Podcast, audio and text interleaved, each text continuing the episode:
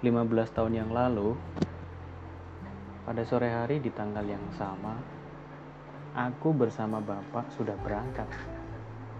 Ya, berangkat ke kebun untuk memetik singkong, ubi jalar, dan pisang.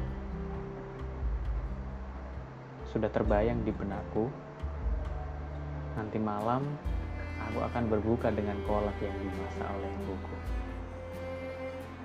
Memang tadi aku lihat kelapa telah diparut. Dan gula merah ibu telah menyuruhku untuk beli di warung sebelah. Sambil memikul hasil panen kebun bapakku bergumam sungguh beruntung kita le. Mau berbuka puasa tinggal ambil hasil kebun. Coba bayangkan kalau orang kota pasti harus beli pada saat itu aku tidak benar-benar mengerti apa yang bapakku maksud. Pikiranku lebih tertarik pada kola yang akan kami nikmati nanti malam. Ya, aku sudah membayangkan bagaimana rasanya kola. Ah, sekarang aku mengalami. Nampaknya sekarang aku begitu paham apa yang Bapak katakan. Hidup di kota memang keras Waktu berlalu begitu cepat. 8 tahun sudah aku mencari nafkah di tanah orang. Nampaknya Ramadan ini aku akan mengulang tradisiku untuk tak pulang di saat lebaran.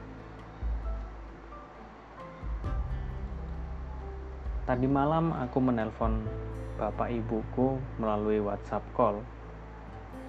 Ya, meskipun orang tuaku tinggal di kampung tapi mereka punya handphone. Lima bulan yang lalu dengan sedikit uang tabunganku akhirnya aku bisa mengirimkan mereka handphone Android. Untuk sekedar aku bisa melihat wajah mereka. Wajah mereka mulai nampak letih Kulit pun bertambah kusam karena setiap hari ke kebun. Lantas terpanggang sinar matahari. Kantung mata mulai menebal dan tatapan mereka pun mulai sayu. Ya, aku menyadari kedua orang tuaku mulai bertambah usia. Sebenarnya aku ingin jujur namun aku enggan berkata. Bersama mimpiku yang terkumpul di tanah orang, di dalam ruangan sempit di hatiku, tersimpan kerinduan yang mendalam dan keinginan untuk kembali pulang. Namun, nyatanya aku belum siap dengan semua pertanyaan yang akan aku terima nanti jika aku pulang. Belum lagi harus berbagi THR dengan keponakan atau semua tetek bengek yang lain jika aku memaksakan diri untuk pulang. Persis seperti umpatan dalam puisi Kairil Anwar. Mampus benar aku dikoyak-koyakkan sepi. Bahkan di tengah kota yang ramai ini.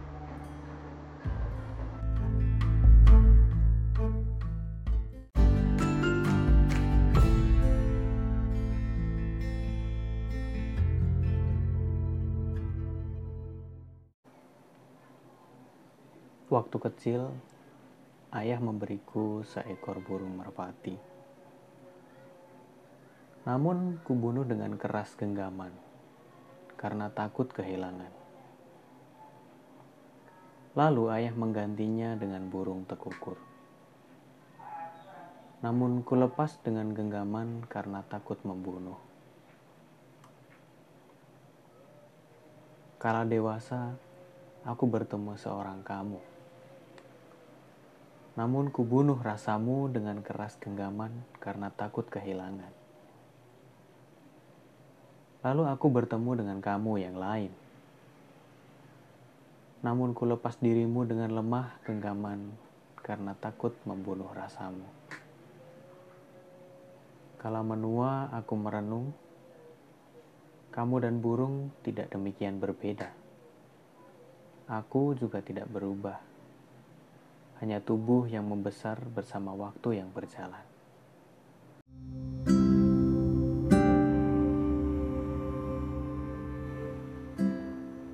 Kau bilang kau suka hujan.